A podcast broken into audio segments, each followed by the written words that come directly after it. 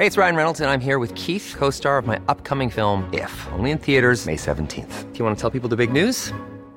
All right, I'll do it. Sign up now and you'll get unlimited for $15 a month in six months of Paramount Plus Essential Plan on us. Mintmobile.com slash switch. Upfront payment of $45 equivalent to $15 per month. Unlimited over 40 gigabytes per month. Face lower speeds. Videos at 480p. Active Mint customers by 531.24 get six months of Paramount Plus Essential Plan. Auto renews after six months. Offer ends May 31st, 2024. Separate Paramount Plus registration required. Terms and conditions apply if rated PG. I'm Sandra, and I'm just the professional your small business was looking for. But you didn't hire me because you didn't use LinkedIn jobs. LinkedIn has professionals you can't find anywhere else, including those who aren't actively looking for a new job but might be open to the perfect role, like me.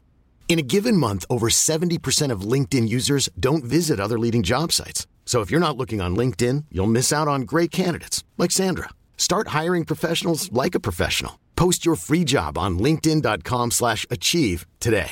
A lot can happen in three years, like a chatbot may be your new best friend. But what won't change? Needing health insurance. United Healthcare Tri Term Medical Plans, underwritten by Golden Rule Insurance Company, offer flexible, budget friendly coverage that lasts nearly three years in some states. Learn more at uh1.com.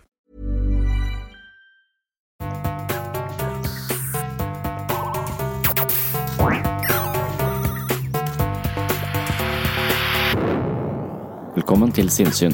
Jeg heter Sondre Risom Livre, er psykolog, og dette er Webpsykologens podkast. Hverdagspsykologi for fagfolk og folk flest.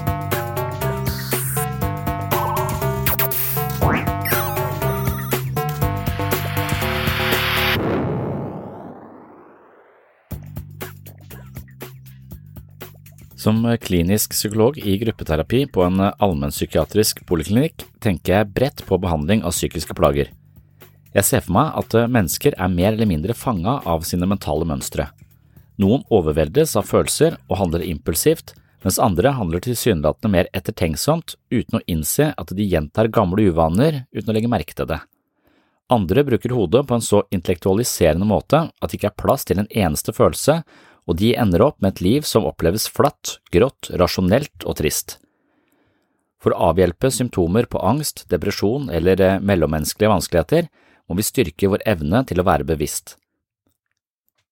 Når vi ikke lever det livet vi hadde sett for oss, kan det hende vi må være mer bevisst det vi tenker, føler og handler på ved de avgjørende momentene i løpet av en dag. Vi må forstå hvorfor vårt indre liv fabrikkerer opplevelser uten den livskvaliteten vi ønsker oss. I kognitiv terapi skal man reflektere over sin egen måte å tenke på.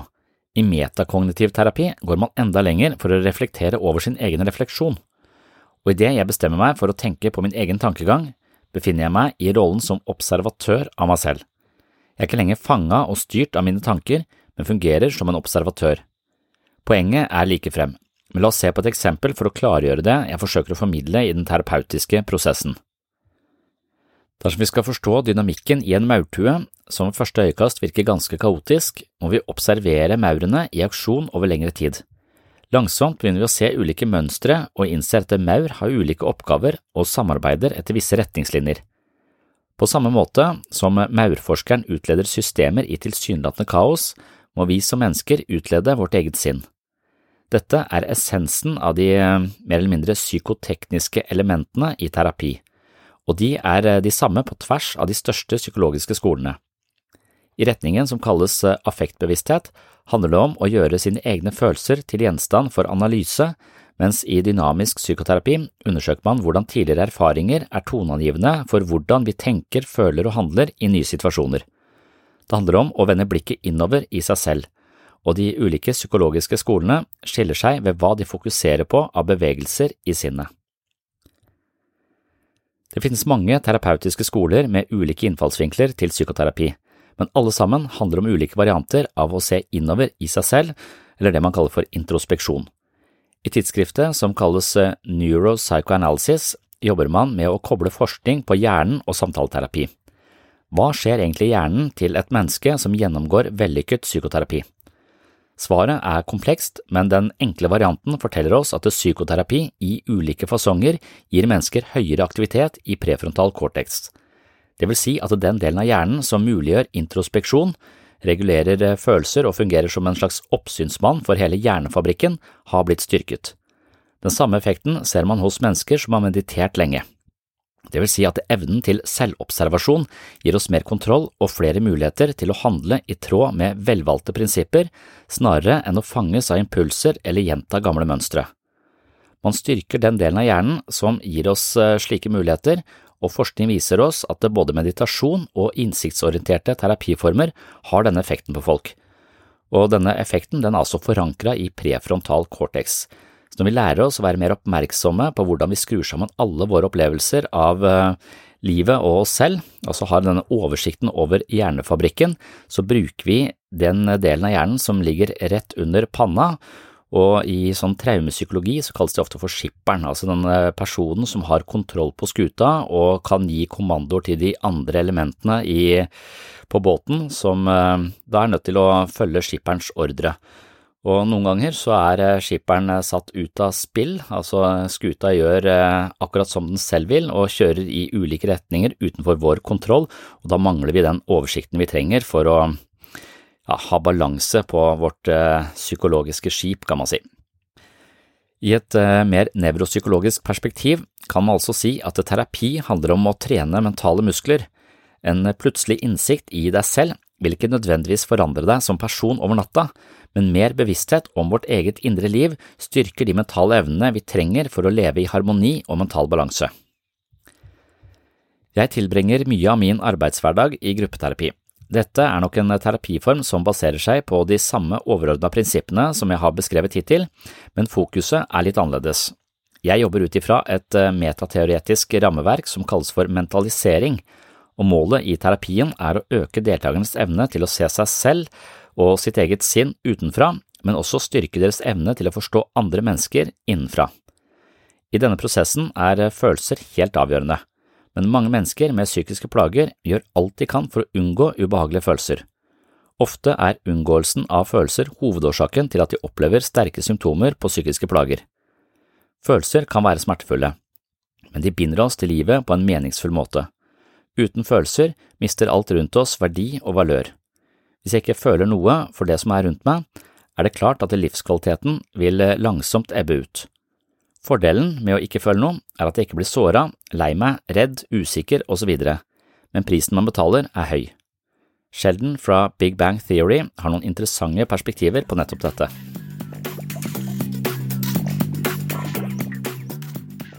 Pose. What happened to me, Amy? Years ago, I was completely disengaged from my feelings. I'd say it was a happier time, but I was disengaged from my feelings, so who can tell? how to help you. You know, feelings are a part of life. They didn't used to be.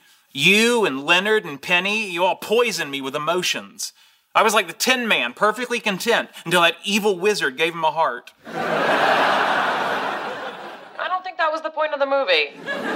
Fine, then I was like Pinocchio before that jerk Geppetto went and made him a real boy. There you go. I andre segment av dagens episode skal jeg dykke litt mer ned i begrepet mentalisering.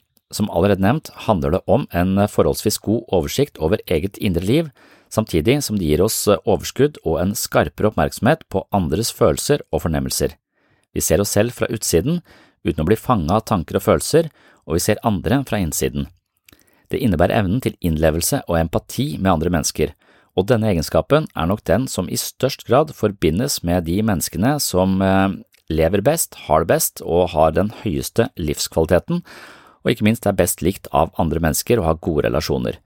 Så høy mentaliseringsevne korrelerer med et eh, godt liv, mellommenneskelig fleksibilitet og lite psykiske plager, mens lav mentaliseringsevne ofte fører til en form for forvirring i relasjonen mellom folk, usikkerhet på seg selv, usikkerhet på seg selv i møte med andre osv., noe som borger for mer angst og uro enn eh, strengt talt nødvendig. Og denne egenskapen, altså mentaliseringsevne, er også noe man kan trene opp, og dermed er det et eh, viktig siktepunkt i eh, både psykoterapi, men også i selvutvikling, og for alle oss som er interessert i å ja, styrke våre mentale muskler. Det var det jeg ville si innledningsvis. Nå går vi til eh, andre segment, som er en episode om mentalisering, og etter hvert også om mentaliseringsevne hos ledere. Det å være leder, det handler jo om å forstå bedriftens behov, men også forstå arbeidstakernes eh, behov, og kanskje ha en høy grad av innlevelse og forståelse for de menneskene man skal lede eller være sjef for. Og her kan man jo kanskje tenke seg at lav mentaliseringsevne vil gi en forholdsvis skrøpelig leder.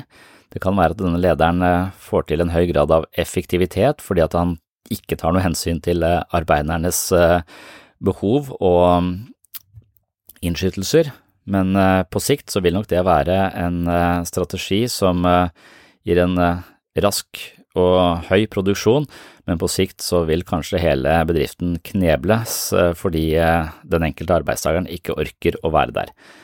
Så forholdet mellom mentaliseringsevne og det å være en god leder, det er også en tematikk innenfor arbeids- og organisasjonspsykologi. Og for å sette scenen, også med hensyn til eh, arbeids- og organisasjonspsykologiske aspekter ved dette vi har av mentaliseringsevne og hvordan det utspiller seg i arbeidslivet, så skal jeg spille av et eh, lite klipp hvor en representant fra arbeidsstokken blir intervjua om lederskap. Og her er det et eller annet eh, surr i enten det er mentaliseringsevnen eller i alle fall det å etablere en slags felles forståelse mellom disse to menneskene, er vanskelig, og det er også kanskje meningen med denne skjult kamera-intervjuet som ble gjort av en tilfeldig representant for arbeidsstokken ved en bedrift, som blir satt i en litt eh, klein situasjon, kan man si. Stig på, det er Espen Lund. Ja. Hei, hyggelig. Hei. Han er nede med Myklebust. Ja, bare sett deg ned, du. Jeg tenkte, Kan jeg bare stille deg noen spørsmål om ledelse? Ja. Um, hva er lederen som seg, altså som han kan? Hva Altså som, som leder, da. Ja. Hva Når han kan. Ja. Hva tenker du om det?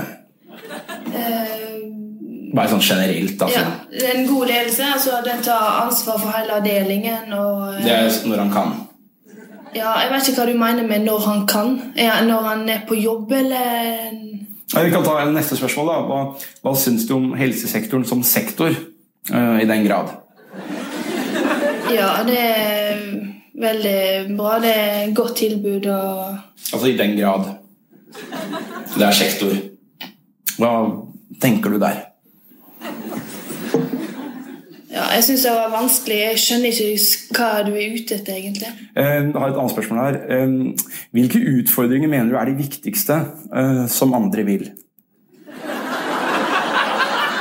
Som andre vil. Ja. Uh, Da tenker jeg helhetlig. ja eh, Mentalisering handler om å forstå sine egne og andres tanker, følelser og motiver. God mentaliseringsevne er forbundet med god psykisk helse, men sviktende mentaliseringsevne kan gi oss mange problemer i forhold til psykiske plager og skape konflikter i relasjon til andre.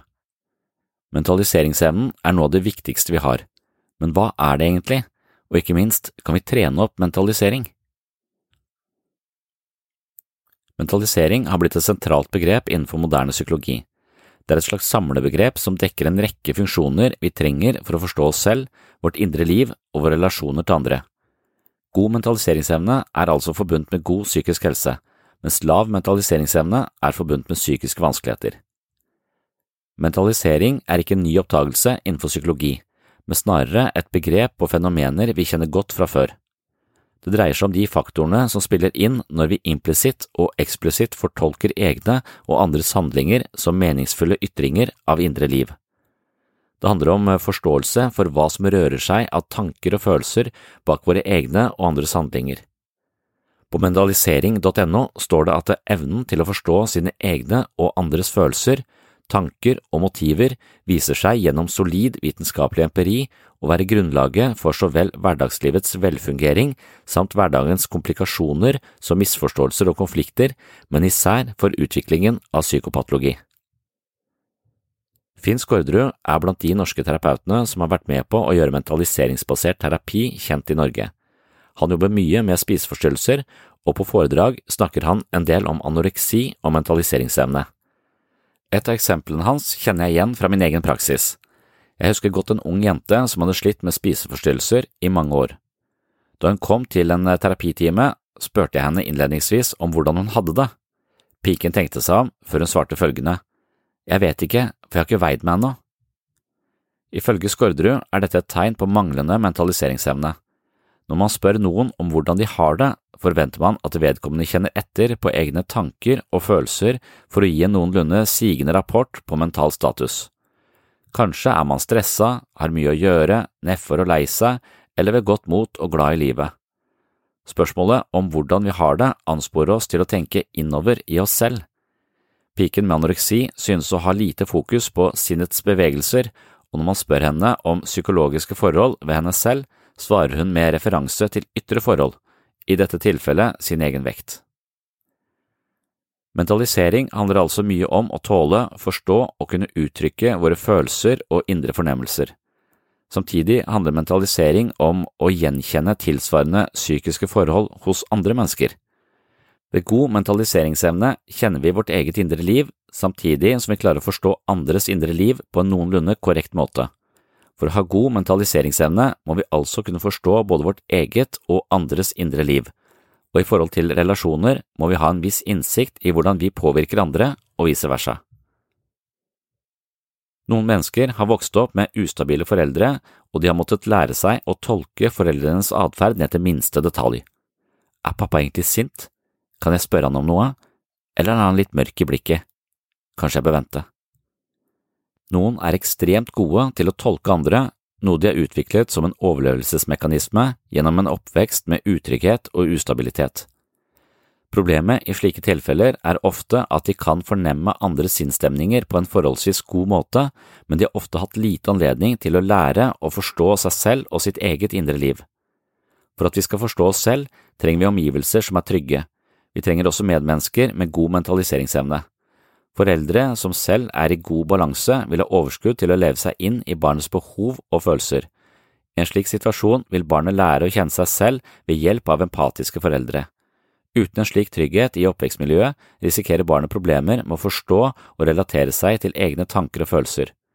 Når vi ikke har lært å kjenne oss selv, kan det hende at vi istedenfor å forholde oss til tanker og følelser, som kan være ganske diffust, forholder oss til egen vekt isteden. Å kontrollere sin egen vekt er et langt mer konkret prosjekt enn fortolkning av tanker og følelser. Uten forståelse for vårt eget indre liv oppstår det ofte symptomer som et resultat av å forholde seg til psykiske forhold på en konkret måte. Istedenfor å kjenne på egne følelser og behov, kan vi drikke alkohol, skade oss selv, slutte å spise, spise for mye, rydde og vaske døgnet rundt, jobbe mer og mer, eller trekke seg unna alt for å unngå selve livet. Med andre ord er det mange symptomer man kan forstå i lyset av sviktende mentaliseringsevne. Et barn som har det vanskelig på skolen, kan ofte forklare at de har vondt i magen eller hodet og derfor må bli hjemme. Man kan tenke at de fabrikkerer magesmertene for å slippe å gå på skolen, men det er langt ifra alltid slik. Ofte vil barn ha problemer med å sette ord på psykiske vanskeligheter, og dermed vil den psykiske smerten komme til uttrykk på en fysisk måte. I et slikt tilfelle vil utredning av mage og tarm eller hode være tiltak som treffer litt på siden av problemet. I noen tilfeller kunne man løst slike utfordringer og hjelpe barnet til å forstå sitt eget indre liv. Kanskje trenger barnet en sparringspartner som kan hjelpe til med å sette ord på følelser, forstå konflikter, utrede vanskelige relasjoner og skape mer oversikt over de utfordringene barnet opplever, men ikke klarer å beskrive på tilstrekkelig måte. Idet vi klarer å forholde oss til livets psykiske utfordringer på en psykologisk måte, har vi opparbeidet oss en rimelig god mentaliseringsevne. Alternativet er at eh, mental smerte kommer til uttrykk på en fysisk eller konkret måte. Hey, I'm Ryan Reynolds. At Mint Mobile, we like to do the opposite Big Wireless does. They charge you a we charge you a little. So naturally, when they announced they'd be raising their prices due to inflation, we decided to deflate our prices due to not hating you. That's right. We're cutting the price of Mint Unlimited from $30 a month to just $15 a month. Give it a try at mintmobile.com slash switch. $45 upfront for three months plus taxes and fees. Promo for new customers for limited time. Unlimited more than 40 gigabytes per month. Slows. Full terms at mintmobile.com. There's never been a faster or easier way to start your weight loss journey than with PlushCare PlushCare accepts most insurance plans and gives you online access to board-certified physicians who can prescribe FDA-approved weight loss medications like Wigovi and Zepbound for those who qualify. Take charge of your health and speak with a board-certified physician about a weight loss plan that's right for you. Get started today at plushcare.com slash weight loss. That's plushcare.com slash weight loss. plushcare.com slash weight loss.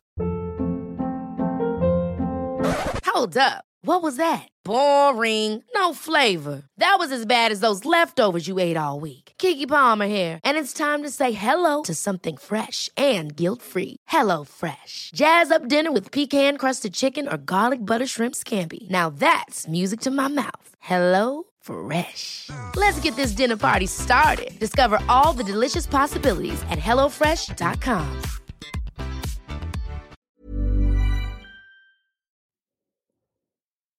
Innenfor en slik forståelse kan man tenke seg at eh, mye selvutvikling handler om å lodde dybden i seg selv eller forstå mer av sitt indre liv. Akkurat dette er også tanken bak eh, den boken jeg skrev om selvfølelse, og den boken jeg skrev om eh, jeg, meg selv og selvbildet.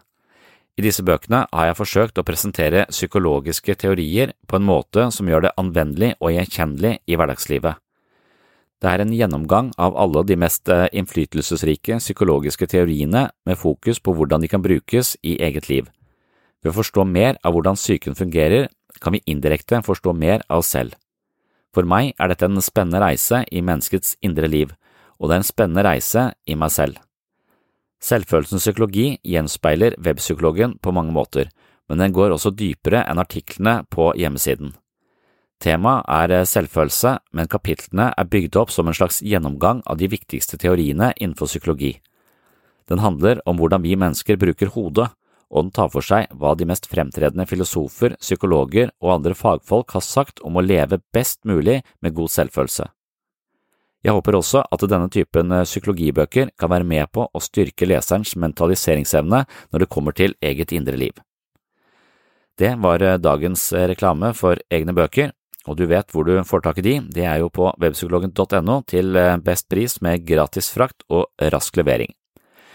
Nå skal du få høre hva jeg tenkte om mentalisering under et foredrag i Finnmark i 2016. Her kommer en historie jeg har fortalt altfor mange ganger før, men jeg synes den illustrerer poenget med mentalisering på en sigende måte.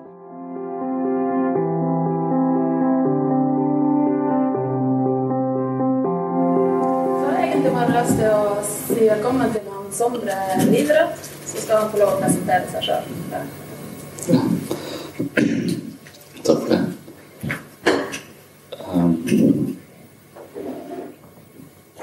nå, nå ble det for høyt, eller? Ble det ikke det? Jeg føl- Hæ? Ja. Um,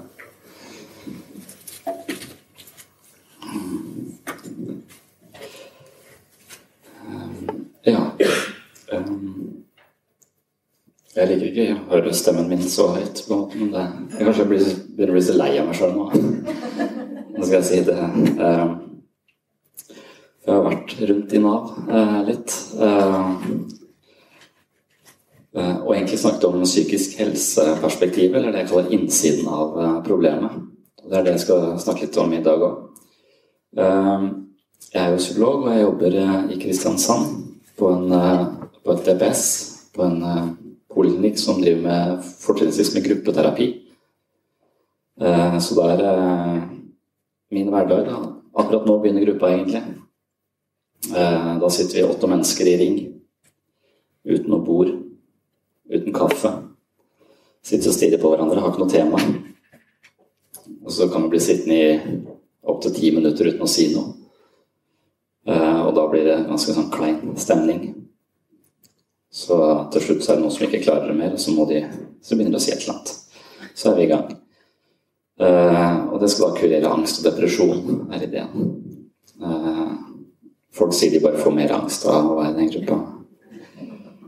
Uh, men det blir bedre etter hvert. De lærer seg det. Så det jeg på en måte går ut eller det du skal få høre litt om etterpå, da, det er jo hvilken vei vinden blåser i Nav, eh, har jeg inntrykk av. Og hvilke nye reformer og ideer som står på trappene. Og da er det spesielt dette med inkluderingskompetanse eh, som er avgjørende. Uh, og i det så ligger også en slags skifte hvor man skal fokusere mer på relasjonen til brukeren. ha en mer ja, altså mellommenneskelig profil, har jeg inntrykk av. ikke bare sånn fatte vedtak, men følge opp litt tettere på den personen som sitter foran oss. Jeg tror kanskje det er det som gjør at jeg har blitt med på disse rundene. At jeg mener selv at jeg har relasjonskompetanse. Eh, kona mi sier at jeg ikke har relasjonskompetanse. Eh, eh, det merker jeg fordi hun sparker meg veldig ofte i leggen når vi er ute i selskaper osv. Da har jeg sagt et eller annet jeg ikke burde si.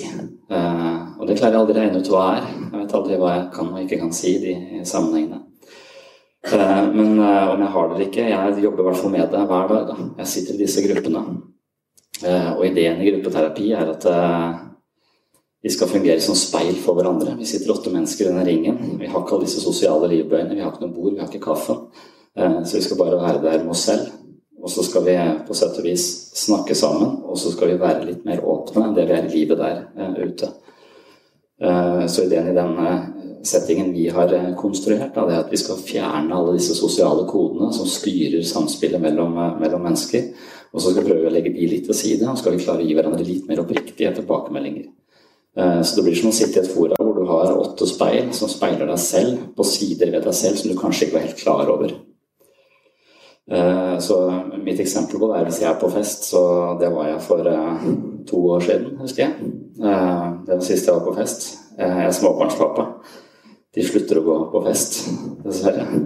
Jeg var ute og spiste i går, men var hjemme halv ni, så det kvalifiserer vel ikke. Eh, men eh, sist jeg var på fest, altså husker jeg ble stående ved siden av eh, en type i dette lokalet. Da kom man liksom ikke unna heller. Det var ikke så mange steder å stå der. Liker å stå litt langt inntil veggen.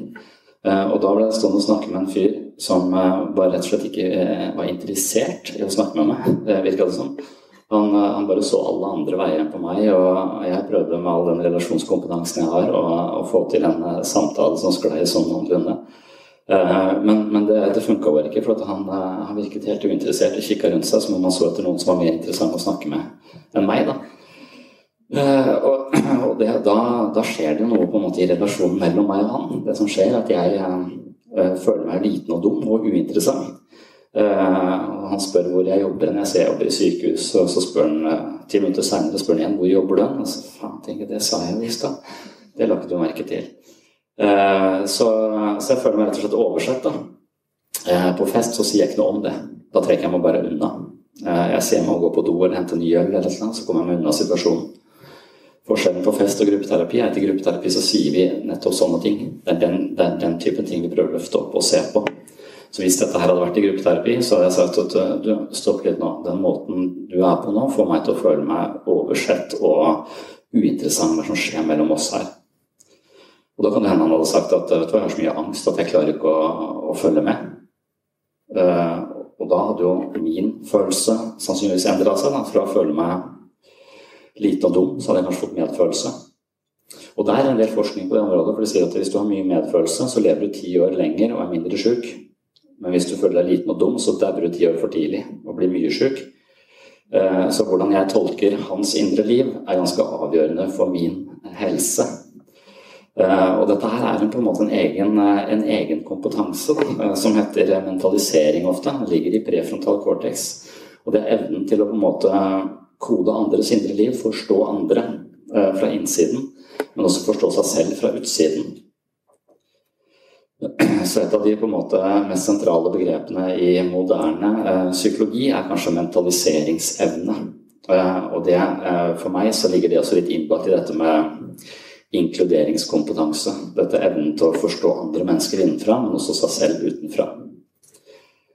Så sier psykologien at, eh, eller Forskning innenfor psykologi sier at 95% av det som foregår inni oss, er ubevisst. Så veldig masse av de mønstrene og de måtene vi er på osv., de bare skjer på autopilot uten at vi egentlig registrerer eh, hva som foregår. Fem stusslige prosent er, eh, er bevisst. Så det å gå da i, i, gruppeterapi, det handler om å gjøre det ubevisste bevisst, og det er jo Freud sin idé, på sett og vis. Men dette med mentaliseringsevne, det starter med oss selv. Jo mer vi kan forstå av vårt eget indre liv, jo flere følelser vi kan sette ordet på, jo flere mønstre vi kan se på oss selv, jo større sjanse har vi for å på en måte regulere oss selv bedre i møte med andre og ha mer balanse inni oss, sånn at vi har mer overskudd til å se andre mennesker.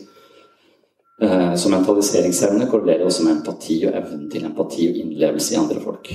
Så gode medmennesker har høy mentaliseringsevne, på sett og vis. Eh, så det kan bli ganske avgjørende eh, for, for egentlig alle mennesker som jobber med andre mennesker, vil jeg si.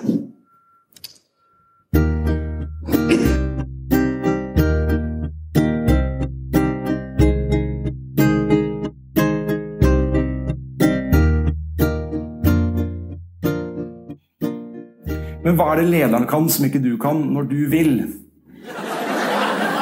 De har jo da over altså Man er jo utdannet avdelingsleder, f.eks. Men det er når du vil, eller når han vil?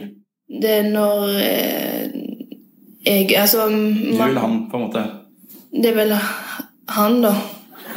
Det er jo veldig positivt. At man på en måte kan både være lederen, men samtidig også kan være på den andre siden. Men da fra den andre med en tosedighet i forhold til helheten. At den ikke tenker som den gjør når han er lederen. Samtidig som man vil det man kan, og de andre som har det man gir. Uh, og de vil da se på det som en helhetlig uh, sak. Så vil jo menneskene også være de som gjør det som han vil, og lederen som det den vil. Uh, som ledelse. Og da, da tenker du veldig tosidig. Det du hørte eh, så langt var innledningen til en ganske mye lengre episode om mentalisering og lederskap. I de kommende 50 minuttene så har jeg snakket med en kollega om hvordan eh, mentaliseringsevne spiller inn i eh, lederrollen og inn på arbeidsplassen. Det er ganske åpenlyst at en god leder bør vel inneha en viss grad av mentaliseringsevne for å fungere, men man kan også tenke seg at eh, selve arbeidsstokken eller en gruppe mennesker har en slags samlet mentaliseringsevne som representerer det gravitasjonspunktet av mentalisering som er toneangivende for den gruppa. Så hvis du har eh, mange mennesker samla med forholdsvis lav mentaliseringsevne, så vil du ofte få en arbeidsstokk full av baksnakking og mistrivsel og mellommenneskelig turbulens, men hvis du har eh, flere elementer i denne gruppa som har forholdsvis høy mentaliseringsevne, så kan det være at de kan dra opp hele gruppa opp et høyere nivå, sånn at eh, gruppas gravitasjonspunkt, eller gruppas eh, gjennomsnittlige mentaliseringsevne, ligger høyere. Hvis du da har en gruppe med høy mentaliseringsevne, så kan det være at de menneskene som innehar litt mindre mentaliseringsevne, blir dratt opp mot det punktet hvor gruppa generelt sett ligger. Så det å tenke mentalisering inn mot eh, arbeidslivet og inn mot eh, lederskap er også ganske interessant. Og hvis du vil høre en 50 minutters eh, samtale om nettopp det, så må du altså skaffe deg hele denne episoden her sånn, og den finner du, ja, du har kanskje gjetta det, på patron.com for sinnssyn.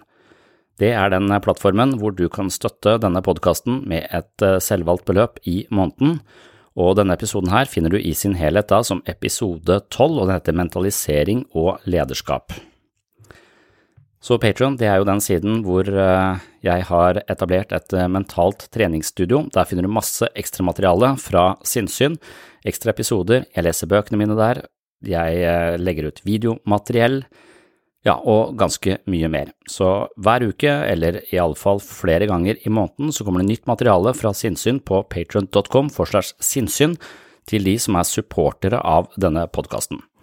Og jeg er litt avhengig av den typen support, fordi at eh, en podkast uten reklame har i prinsippet ingen inntekt, men det har jeg nå, hvor dere som eh, har valgt å støtte dette prosjektet med en sum tilsvarende en kopp kaffe eller to i måneden, da får et eh, eget eksklusivt abonnement på Sinnsyns mentale helsestudio, og samtidig så hjelper dere meg å holde hjula i gang på denne åpne podkasten og kunne produsere episoder ukentlig og av og til flere ganger i uka, Og det kommer ofte episoder nå flere ganger i uka, nettopp fordi at jeg får eh, støtte via Patron, og da kan jeg frikjøpe tid, jeg kan eh, rigge hverdagen min på en annen måte, sånn at jeg kan prioritere dette prosjektet her høyere. Og jeg elsker å drive med dette her, så det setter jeg utrolig stor pris på. Så jeg pleier alltid å takke alle Patron-supportere med en inderlig og tusen hjertelig takk eh, i tiende potens. Det er så utrolig inspirerende og og jeg skal si, meningsfullt å jobbe med dette her, og når jeg da har muligheten til det på grunn av dere, så er det, da blir jeg dypt og inderlig takknemlig. Så det setter jeg pris på.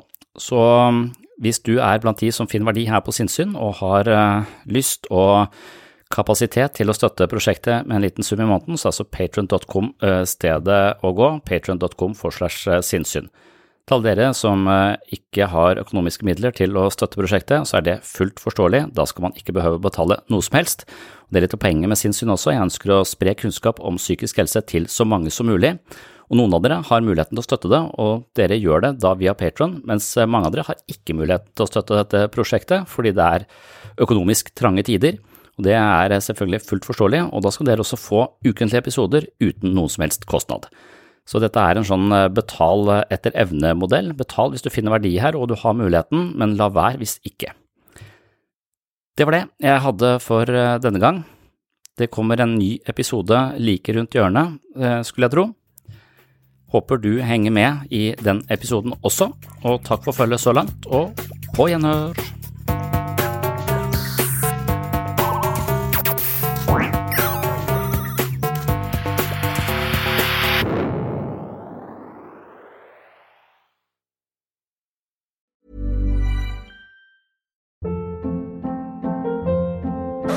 Hold up. What was that? Boring. No flavor. That was as bad as those leftovers you ate all week. Kiki Palmer here, and it's time to say hello to something fresh and guilt-free. Hello Fresh. Jazz up dinner with pecan-crusted chicken or garlic butter shrimp scampi. Now that's music to my mouth. Hello Fresh. Let's get this dinner party started. Discover all the delicious possibilities at hellofresh.com.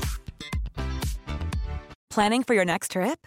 Elevate your travel style with Quince. Quince has all the jet setting essentials you'll want for your next getaway, like European linen, premium luggage options, buttery soft Italian leather bags, and so much more. And is all priced at 50 to 80% less than similar brands. Plus, Quince only works with factories that use safe and ethical manufacturing practices.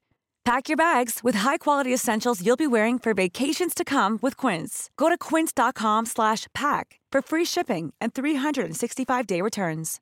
Imagine the softest sheets you've ever felt. Now imagine them getting even softer over time. That's what you'll feel with Bowl and Branch's organic cotton sheets. In a recent customer survey, 96% replied that Bowl and Branch sheets get softer with every wash. Start getting your best night's sleep in these sheets that get softer and softer for years to come. Try their sheets with a 30-night guarantee. Plus, get 15% off your first order at bowlandbranch.com. Code BUTTERY. Exclusions apply. See site for details.